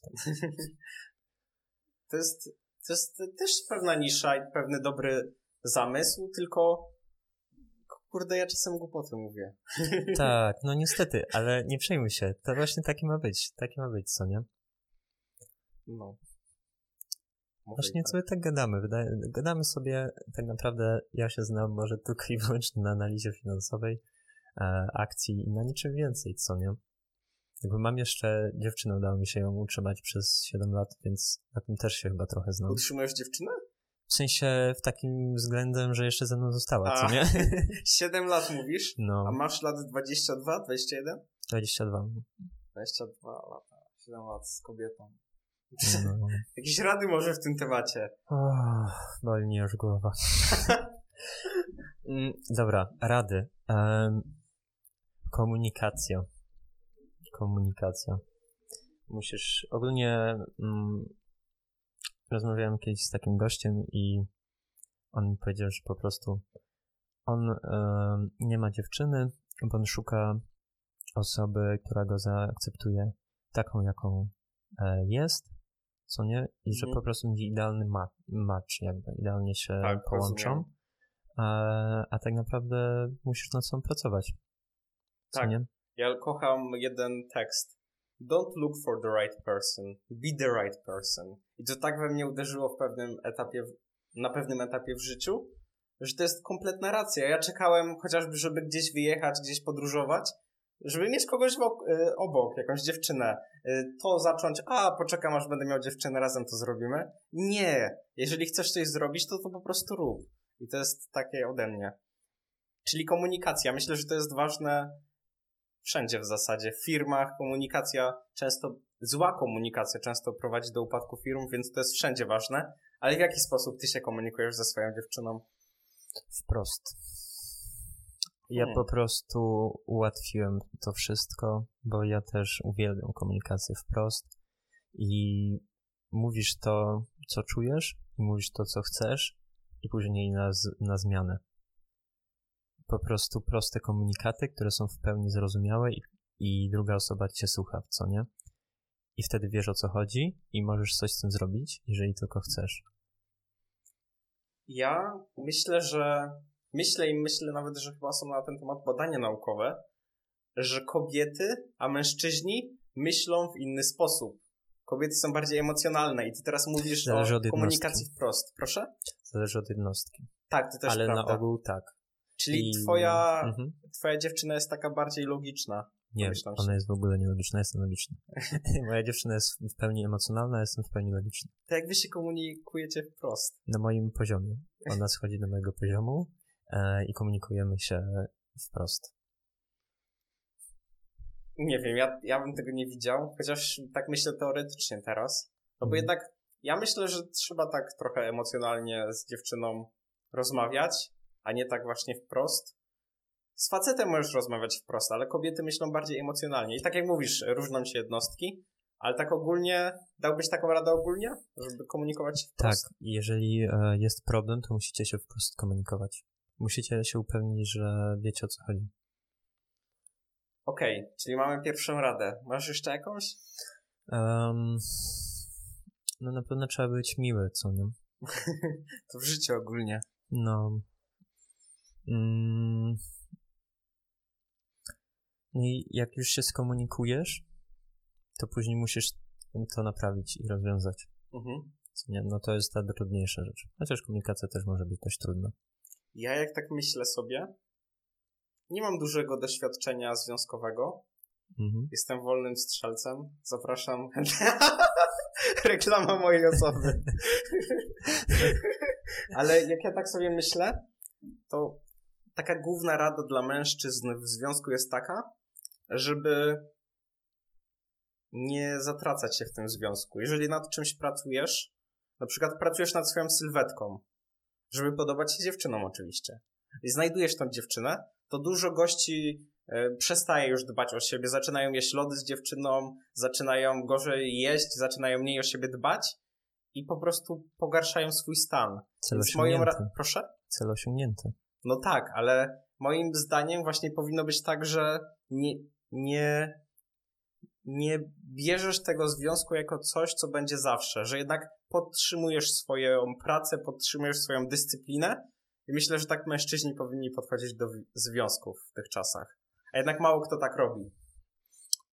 Mm, no tak, no jak wybierasz partnera, no wiesz, super, jeżeli twoja dziewczyna jest ładna, super, jeżeli twój chłopak jest przystojny, no ale jeżeli macie coś stworzyć długoterminowo, no to, to nie jest najistotniejsza sprawa, co nie? Jakby to tam musi być, ale to, kim jest druga osoba, jest kluczowe, co nie? Tak, oczywiście ten przykład z wyglądem i siłownią to był przykład i chodzi mi ogólnie o coś, robienie czegoś swojego, posiadanie celu i ambicji. Czyli jak budujesz coś swojego, to nie poświęcaj tego kosztem związku. Że jednak bądź skoncentrowany na swoim celu, nigdy go nie poświęcaj, yy, nie poświęcaj go dziewczynie czy chłopakowi, ponieważ to, że jesteś tak ambitny jest częścią tego, e, tego dlaczego się spodobałeś w pierwszym miejscu tej osobie. Hmm, no balans, co nie, musisz znaleźć, bo też możesz się w czymś zatracić. To zależy, co jest dla ciebie ważniejsze. Bo jeżeli dla ciebie jest ważniejsze granie w gry z chłopakami niż twoja dziewczyna, no to będziesz więcej grał, a później możesz mieć mniej dziewczyny, co nie? Możesz sobie odejść, uznać, że nie poświęcasz jej czasu i tyle. Tak, priorytety, ale ja bym jeszcze zahaczył wątek tego, że to jest komfortowe przestać skupiać się na, ty, na tych celach. Że to jest tak komfortowe sobie poleżeć z dziewczyną i zjeść lody zamiast pójść na trening. To jest po prostu komfortowe i dużo, dużo mężczyzn, chłopaków staje się takimi miękkimi kluchami, kiedy w końcu znajdą się w tym związku. U ciebie tak, nie, ty w młodym wieku miałeś ten już związek. Mhm. U ciebie chyba tak nie było, co? Czyli tutaj mówisz o takim mechanizmie, że oni, ich celem jest osiągnięcie, e, bycie w związku, więc oni pracują na, sie na siebie, żeby osiągnąć cel, osiągają cel i przestają to robić. Nie jest to celem. Myślę, że nadrzędnym celem e, istnienia Homo sapiens mhm. jest to, żeby się rozmnożyć. To jest już biologiczna sprawa. Naprzód. Proszę? Naprzód. Tak, dokładnie. Więc, więc teraz podświadomie pracujemy na przykład nad biznesem, podświadomie idziemy na siłownię. Nie, nie powiem ci nikt, że robi to w celu, żeby znaleźć dziewczynę, ale podświadomie gdzieś głęboko tak to działa. Mm, taka prawdziwa motywacja jest takie ćwiczenie e, 7 razy why, 7 razy dlaczego. I temat chodzenie na siłownię. Pytasz, dlaczego chodzisz na siłownię? Żeby być zdrowy. Po co chcesz być zdrowy? No, żeby długo żyć. Czemu chcesz długo żyć? Strata, tata. Siedem pytań, co nie? I starasz się jakby dojść do najgłębszego mhm. e, celu. Dlaczego to realnie robisz? Tak, i w większości sprawach na samym końcu byłoby rozmnożenie się. tak. Rozmnożenie się. Oczywiście, no, mam 20 lat i gadam mnóstwo głupot, ale takie jest teraz moje spojrzenie na tę kwestię. Być może za 5 lat będę całkiem. Będę miał całkiem inne zdanie, no nie wiem. Dokładnie. A może odsłuchasz ten podcast za 5 lat i już będziesz wiedział, po co tu przyszedłeś, po co są te nagrywki? Jaki jest cel tego wszystkiego? Po co? Rozmnożenie się. Dokładnie. Wszystko się kręci wokół rozmnażania się. Tak. Najwyraźniej. O. Ale zobaczyliśmy teraz z tematu, zaczynając od Buffetta, kończąc na relacjach. I rozmnażaniu się. Tak. Co sądzisz o ciszy podczas podcastu? Myślę, że cisza jest e, ciekawym narzędziem, czasem jest użyteczna, ale jeżeli jesteś prowadzącym, to musisz zadbać, żeby nie doprowadzać do niej za często. Oczywiście zadajesz pytanie i czasem po pytaniu chwila ciszy jest świetna, ale musisz to jako prowadzący wyczuć i rozumieć, kiedy twój rozmówca się zagubił i przejąć pałeczkę i wrócić i zacząć z powrotem coś mówić. Okej, mm, okej, okay, okay. czyli po prostu w pewnym momencie cisza to jest problem. Mhm. Po prostu druga osoba jest zagubiona. Tak. I ty ją ratujesz. A czasami sobie po prostu myśli na przykład, Mhm. Jest ok. Albo sama tworzy napięcie. Tak też może być, więc musisz to wyczuć i myślę, że z doświadczeniem to wyczujesz. Mm. Ja sam pewnie jeszcze tego nie wyczułem w pełni. Tak samo rozmowy online są w ogóle całkiem inną kwestią, ponieważ czasem są opóźnienia. Był jeden podcast, gdzie mój rozmówca często robił pauzy i były lekkie opóźnienia i ja mu prawie cały czas wchodziłem w zdanie. A to nie było w ogóle moim celem i to był po prostu przypadek. Nikt tego nie zauważył w komentarzach, ale ja to widziałem. Mhm, mhm. No. No, w takim momencie też pewnie jeszcze zwiększasz sobie stres, co nie? Już ja mam tak, że mm, przestaje mi napływać myśli, jak jestem mocno zestresowany i myślę tylko o tej jednej rzeczy. Jakbym ja na przykład miał taką sytuację, to pewnie bym wpadł w takiego lupa i cały czas o tym myślał i nie byłbym w stanie przez chwilę kontrolować rozmowy, aż by mi ta myśl, myśl nie przeszła. Też dlatego na przykład dla mnie ważna jest medytacja, umiejętność e, od odsyłania myśli precz. Umiejętność stania się ich obserwatorem, a nie osobą zawikłaną w nie. Ogólnie to często też tak jest, że to jak ty odczuwasz, że coś się dzieje, nie odzwierciedla tego, jakie to jest. Ja na przykład miałem jeden podcast, zaczynałem w ogóle nagrywać podcasty w Hiszpanii na Erasmusie i miałem tam współlokatorów. Jak raz nagrywałem, to mój gościu postanowił sobie coś gotować, był bardzo głośno mhm. i ja już się tym stresowałem, że o, będzie wszystko słychać, będzie słabe audio i tak dalej. I przez to, że tak stresowałem się w czasie rozmowy, to wydawało mi się, że źle prowadzę tą rozmowę i tak dalej. I tak w ogóle myślałem, ale słaba jest ta rozmowa, no kurde, trudno, no, puszczę ją, ale nie będę promował, czy coś takiego. Mhm. Ale potem usiadłem do montażu, ta rozmowa nie była taka zła. Więc to, jak odczuwasz coś, niekoniecznie pokazuje, jakie to coś jest. No, to jest ta konkluzja, to jest bardzo trudna sprawa. Ogólnie wszystko, co do ciebie um, dochodzi, jest przetwarzane i dekodowane przez ciebie. Jest jakby taka szczypta smaczka od ciebie na to dorzucona, co nie? To jest jak, ja na przykład słyszałem kiedyś coś takiego, ponieważ tutaj jest na przykład ta roślinka, co nie? Ona jest zielona, ale to się nazywa zielone i nikt, czy jesteś w stanie mi potwierdzić, że my widzimy na pewno ten sam kolor? Że dla ciebie to nie znam jest niebieskie? To, znam to i rozumiem o co ci chodzi. Nie da się hmm. tego zrobić. Być może. My wszystko inaczej twój interpretujemy. zielony to jest mój niebieski. Kto Dokładnie. to wie? Nie Dokładnie. Wiadomo. Może w ogóle inne, inne, inaczej też dźwięki słyszymy. Może ty tak. słyszysz wszystko wyżej, a ja niżej. Tak, niewątpliwie do pewnego stopnia tak jest. Teraz pytanie, w jak dużym stopniu to występuje? Pewnie nie za dużym, bo wszyscy jesteśmy homo mhm. sapiens. Tak. Tak Albo na przykład to, że pies czuje 20 razy mocniej niż człowiek, a może mniej, ale koty też bardzo dobrze czują. Węch mają a? bardzo mocny, no. To też musi być bardzo dziwne, że twój główny zmysł to jest węch. My prawie w ogóle tego nie używamy. Czasami coś powąchać i powiesz, mmm, smaczne, dobre, tak. co nie? A oni się jakby tym kierują. Tak, wyobraź sobie teraz widzieć węchem. Albo echolokacja, to jest w ogóle niesamowite. Wiesz w ogóle, że um, echolokacja pozwala nietoperzom sprawdzić um, density, jakby z czego to jest zrobione. Czyli na przykład nietoperz wie, że to jest gęstość, twarde. Gęstość e, przedmiotu. Tak, czyli nietoperz będzie wiedział, że to jest twarde, nie musi tego dotykać, echolokacja mu to mówi, będzie wiedział, że poduszka jest miękka. Tak. Co nie? Bardzo dziwne. I druga rzecz na temat nietoperzy, to jest to, że one widzą. To jest mit, że one są ślepe. Chyba to gdzieś czytałem, no. Ale nie jest to ich główny zmysł, to na pewno. No, ogólnie zwierzęta to jest jedna z, jakbym miał robić coś innego niż inwestowanie, to na przykład e, taka praca, badanie zwierząt, to mega mnie interesuje, bardzo to jest ciekawe. Na przykład mrówki mnie bardzo interesują. Um, taki jakiś może fakt mrówkowy. Okej, okay, słuchaj, są mrówki w dżungli. Wysyłają ekipę, armię na polowanie, żeby przynieść jedzenie do mrowiska są takie małe mrówki i takie duże mrówki czołgi, co nie? Idą, idą przez tą dżunglę i spotykają ślimaka. Gryzą tego ślimaka, atakują tego ślimaka, ale ten ślimak jest super kleisty i te mrówki utykają w nim i umierają w tej jego mazi, co nie? I w pewnym momencie te mrówki, wszystkie naraz, wpadają na genialny pomysł, że biorą kawałeczki ziemi i kładą na tym ślimaku, wysuszając go. I później go zabijają. mam w ogóle wrażenie, że mrówki, mimo że są w osobnych ciałach, to to jest jeden byt.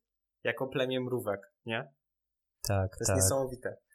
A widziałeś może na Netflixie film dokumentalny Mój nauczyciel Octopus, Octopus, Ośmiornica? Nie, nie, nie, nie widziałem. Obejrzyj to, to koniecznie. Tak? Czekaj, koniecznie sobie. to obejrzyj. I też dostawałem często rekomendacje, żeby to obejrzeć, ale nigdy nie było mi z tym śpieszno. Tak sobie myślałem, nie, no co to może być? No będą obserwować ośmiornicę, ale jak to obejrzałem, Wow, wow. Naprawdę moje postrzeganie na wiele kwestii się zmieniło. No, na pewno tak. A czym to jest? To jest o pewnym człowieku, który wychował się przy takim morzu, gdzie, gdzie jest bardzo e, duża flora tam zaraz obok, tam nurkują i tak dalej. I on e, tam pracował gdzieś, ale się wypalił, więc postanowił wrócić tam, gdzie się wychował. Postanowił sobie nurkować, poznawać e, tą całą faunę i tak dalej. I pewnego razu spotkał jakąś taką dziwną istotę złożoną z mega dużej ilości e, skorup i, i muszalek. I zaczął ją obserwować. I nagle to coś wystrzeliło i okazało się, że to ośmiornica ubrała w siebie taką zbroję jakby, nie? No to Mhm. bardzo go to zaintrygo- zaintrygowało i postanowił ją śledzić.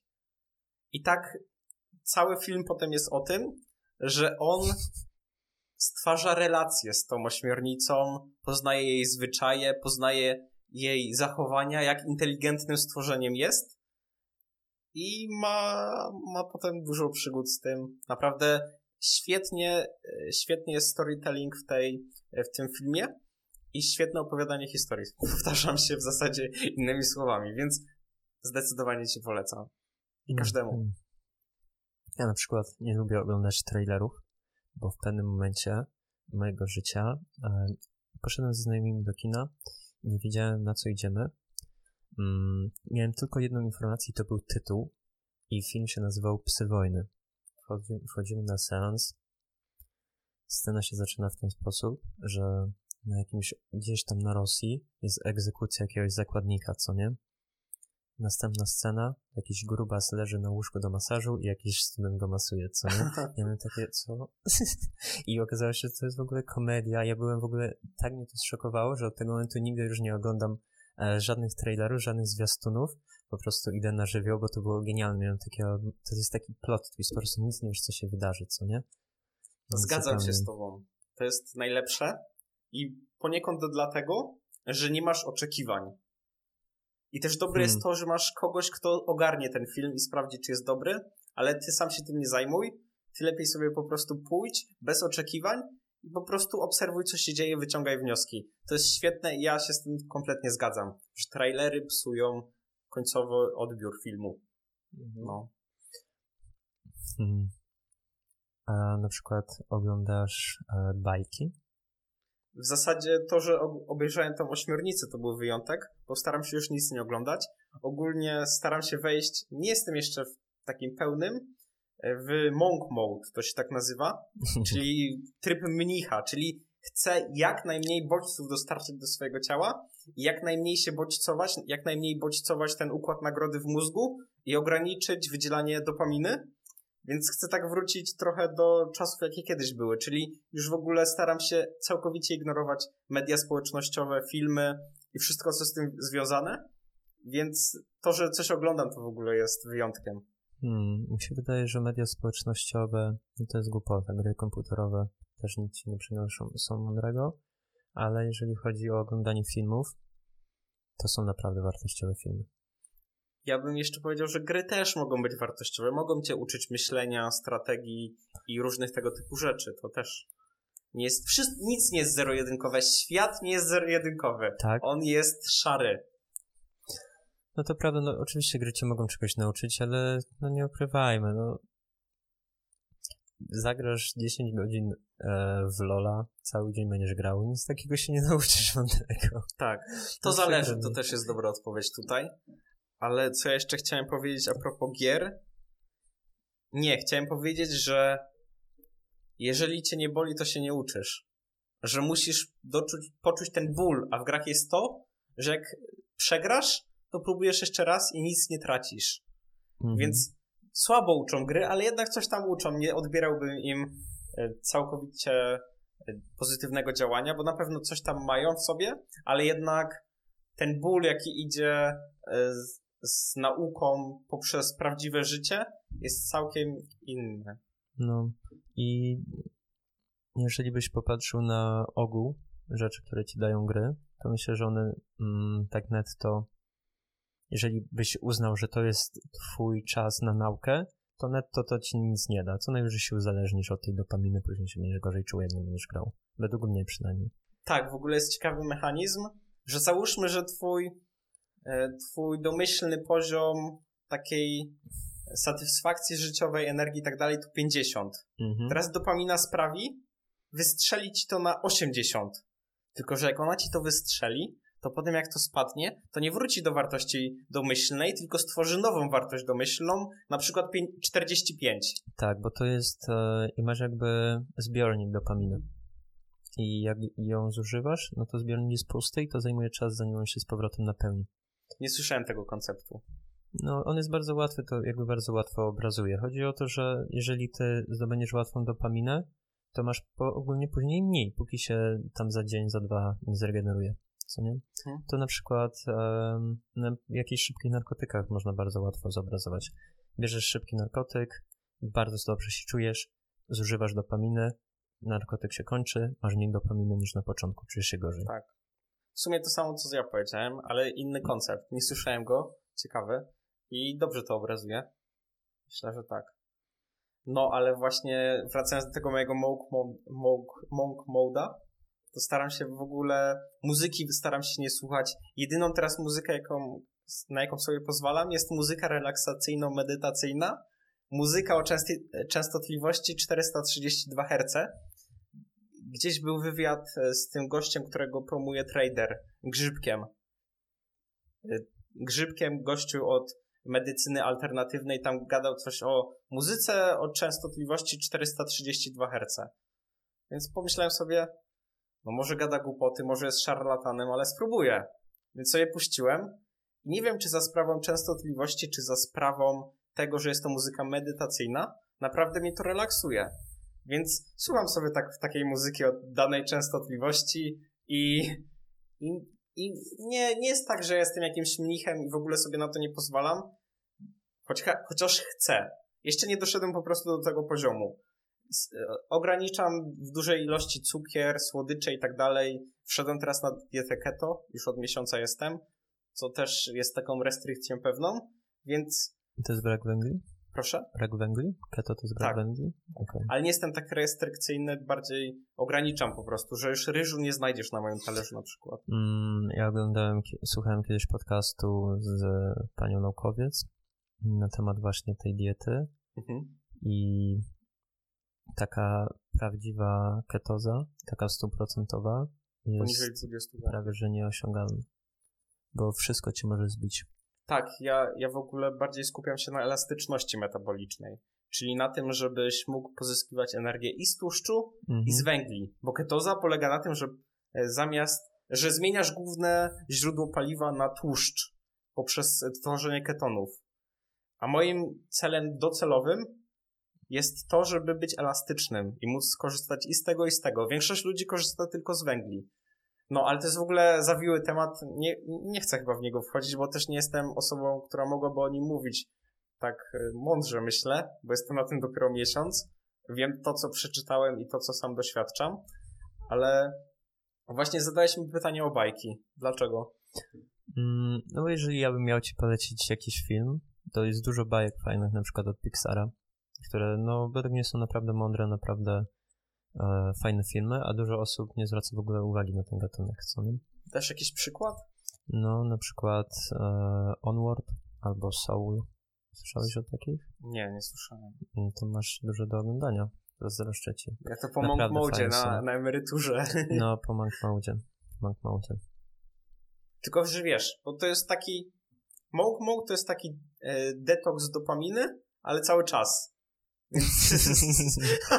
Ale nie, ja nie ukrywam, e, że później życie się po prostu staje lepsze. Takie dążenie do czegoś produktywnego się staje łatwiejsze. Mhm, Dokładnie tak. I mówię ci, że jeszcze nie osiągnąłem tego, co chcę osiągnąć, więc bardziej staram się iść w dobrym kierunku i progresować. Wiadomo, że czasem sobie puszczę muzykę, w radiu czasem posłucham, jak jadę autem, ale staram się to ograniczyć. Wyłącz to! Teraz jestem mnichem. Co ty No. robisz? Nie respektujesz mojej kultury?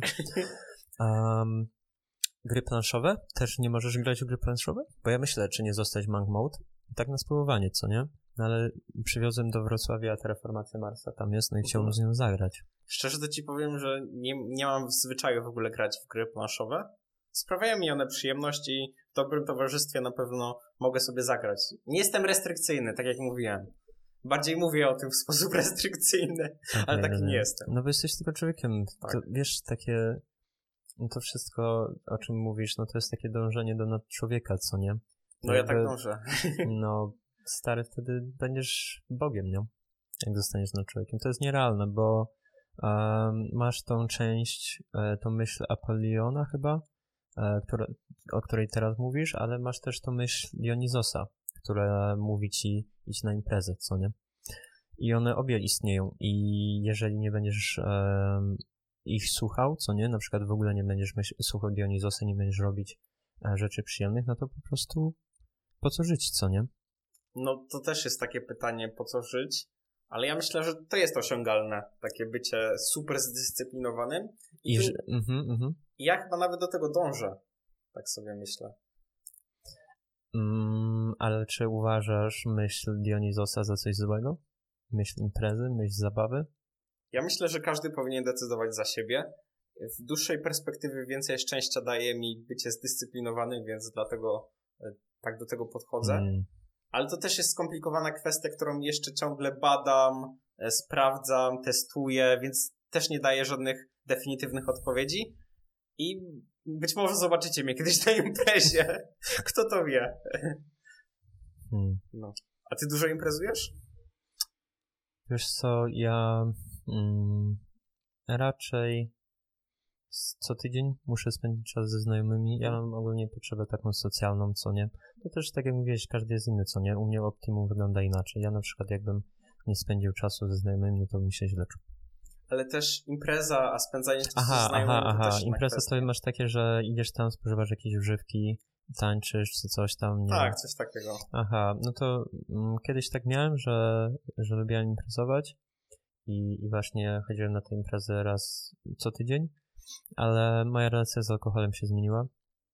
Mm, no i już te imprezy jakby założyłem płytkość tego, co nie, że tak. na przykład um, ja mam takiego znajomego byłego alkoholika, mhm. co nie, no i on pref preferuje teraz inne rzeczy, no bo nie pije, e, sytuacja taka, gdzie on jest w towarzystwie osób pijących, utrudnia, no jakby on ma chcicę wtedy, co nie? Tak, tak. Więc on, on proponuje inne rzeczy i te osoby po prostu nie są chętne na nic innego niż chlanie, co nie? Więc po prostu zauważyłem płytkość tej relacji i, i no nie, nie chcę budować takich więzi, że co, co mnie nic nie, nie łączy tak naprawdę. Dobrze się bawimy w swoim otoczeniu tylko dlatego, że jesteśmy pijani, a mm. jak mamy się mm. spotkać mm. i coś innego porobić, to już nikt nie jest chętny. Tak, tak. To jest prawda. I do tego chyba trzeba dojrzeć. Co nie? No, myślę, że tak, myślę, że tak. Ale każdy student ma w zasadzie znajomego alkoholika. Mm, myślisz, że oni są aż tak e, popularni? Zależy też jak definiujesz alkoholika. Tak bardziej rzuciłem żartem, Nie, nie, nie, to taki prawdziwy alkoholik. dużo się pije. Prawdziwy alkoholik. Prawdziwy alkoholik? Tak prawdziwy alkoholik się nie napije, no to... No to już nie, to już bym nie rzucił takim żartem. do szpitala. Mhm. Już bym takim żartem nie rzucił, ale na studiach naprawdę dużo się pije i jeżeli nie pijesz, to chyba jesteś w mniejszości. Jak ty to widzisz? Oczywiście, może 1% nie pije. Ja też się czasami napiję. Ja też się czasami Ale, napiję. bo właśnie to jest idealne, bo jeżeli ja już nie piję wody, nie walę wody, to teraz wypiję sobie dwa piwka i że jestem stawiony, jest fajnie. I mój organizm jakby już zero kaca, no bo co to dwa piwa, nic takiego, co nie? A ja już jestem w fajnym moodzie e, i w lepszy sposób, w bardziej optymalny sposób wykorzystujesz tą e, używkę. Mhm. Bo ja ogólnie uważam, że wszystko jesteś w stanie dobrze użyć. Wszystko może być narzędziem, co nie? Alkohol e, może być takim lubrykantem społecznym, może na przykład pomóc ci komicy e, w Stanach Zjednoczonych stand-uperzy mają taką rutynę, że przed wejściem na scenę palą papierosa i biorą shota.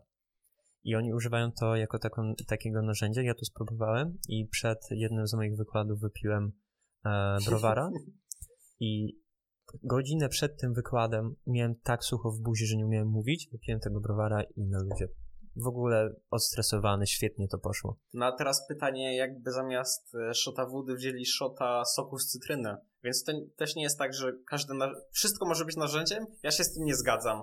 Myślę, że wszystko może być użyteczne, ale są rzeczy, które są bardziej użyteczne i czasem to twoja percepcja tego tworzy mhm. tą użyteczność.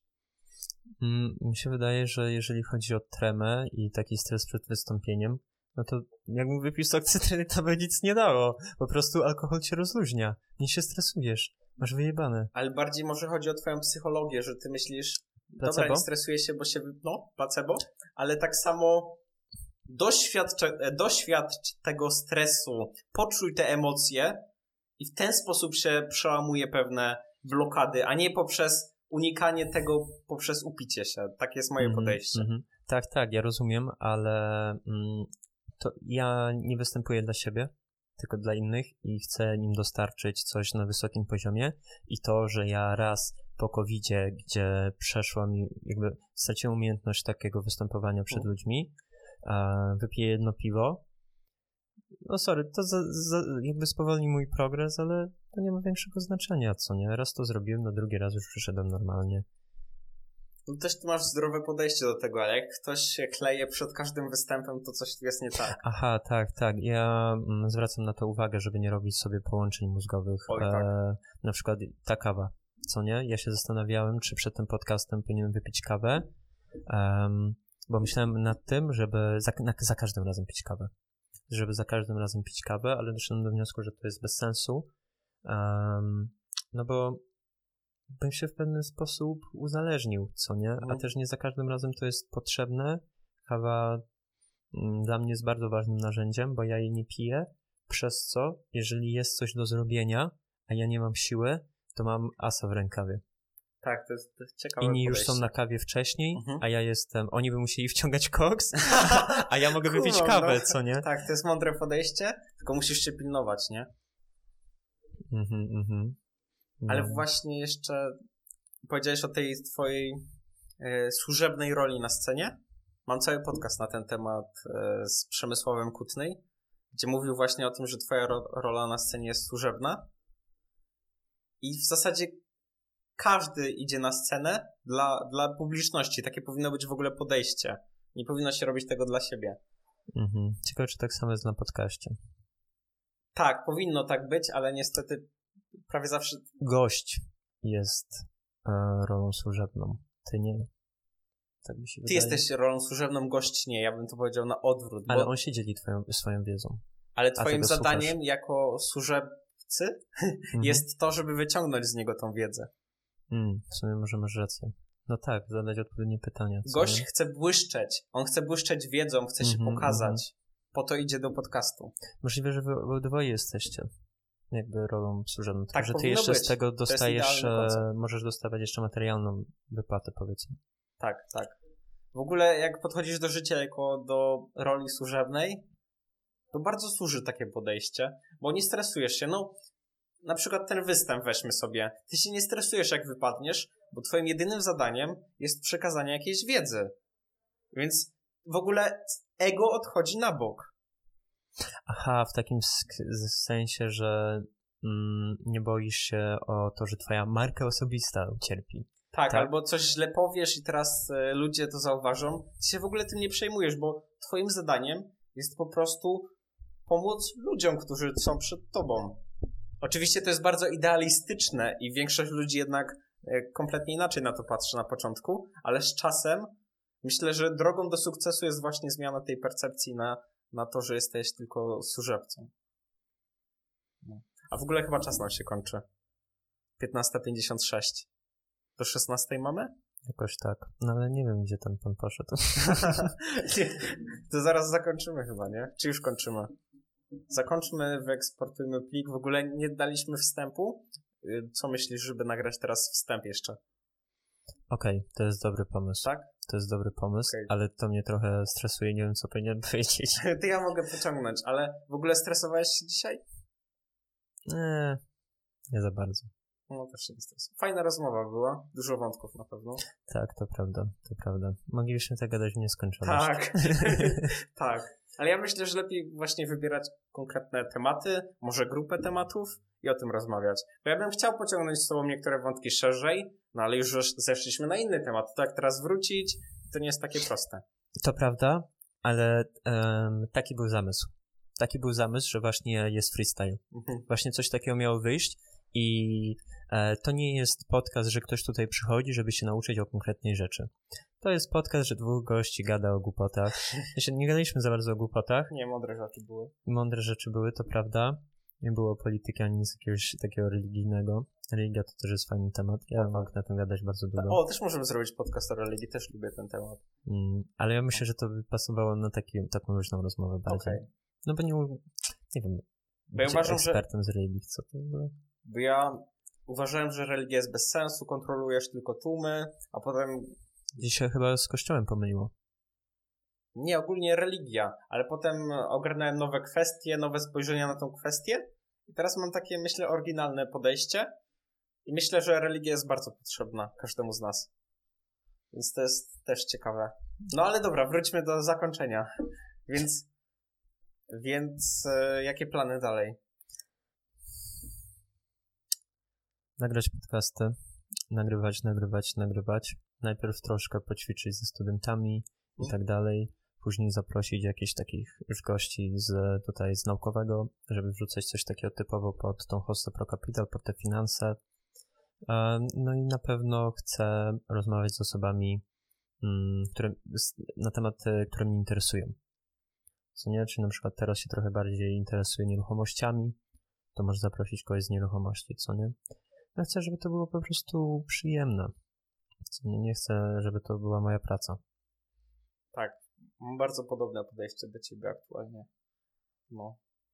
A, no i jeszcze e, na hoście będę pytał, czy ktoś jeszcze nie chciałby nagrywać i może znajdę inne osoby i w ten sposób to bardziej pociągniemy do przodu. Rozumiem. A ktoś będzie to montował, czy ty się tym zajmiesz?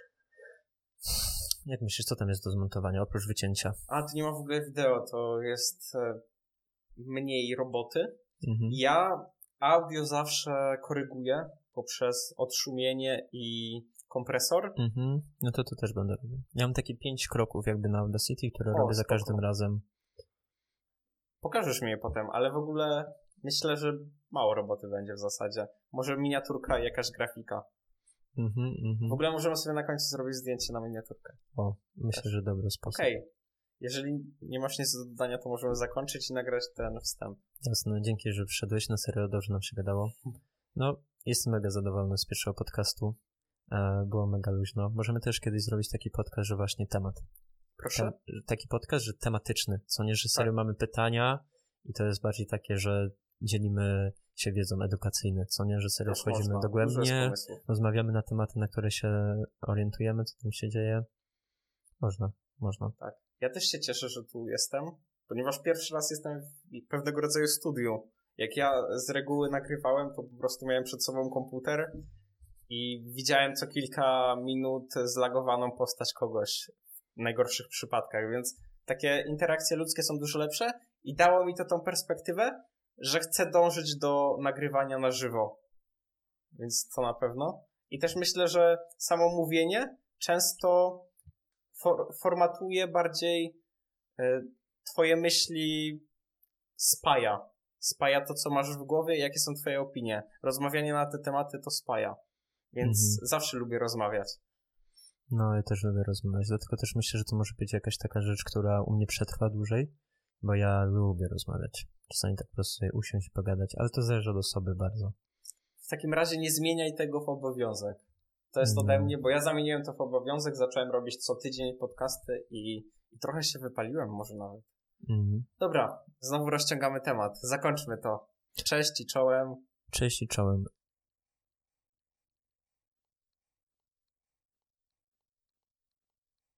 Eee, Kluski z rosołem. Hej.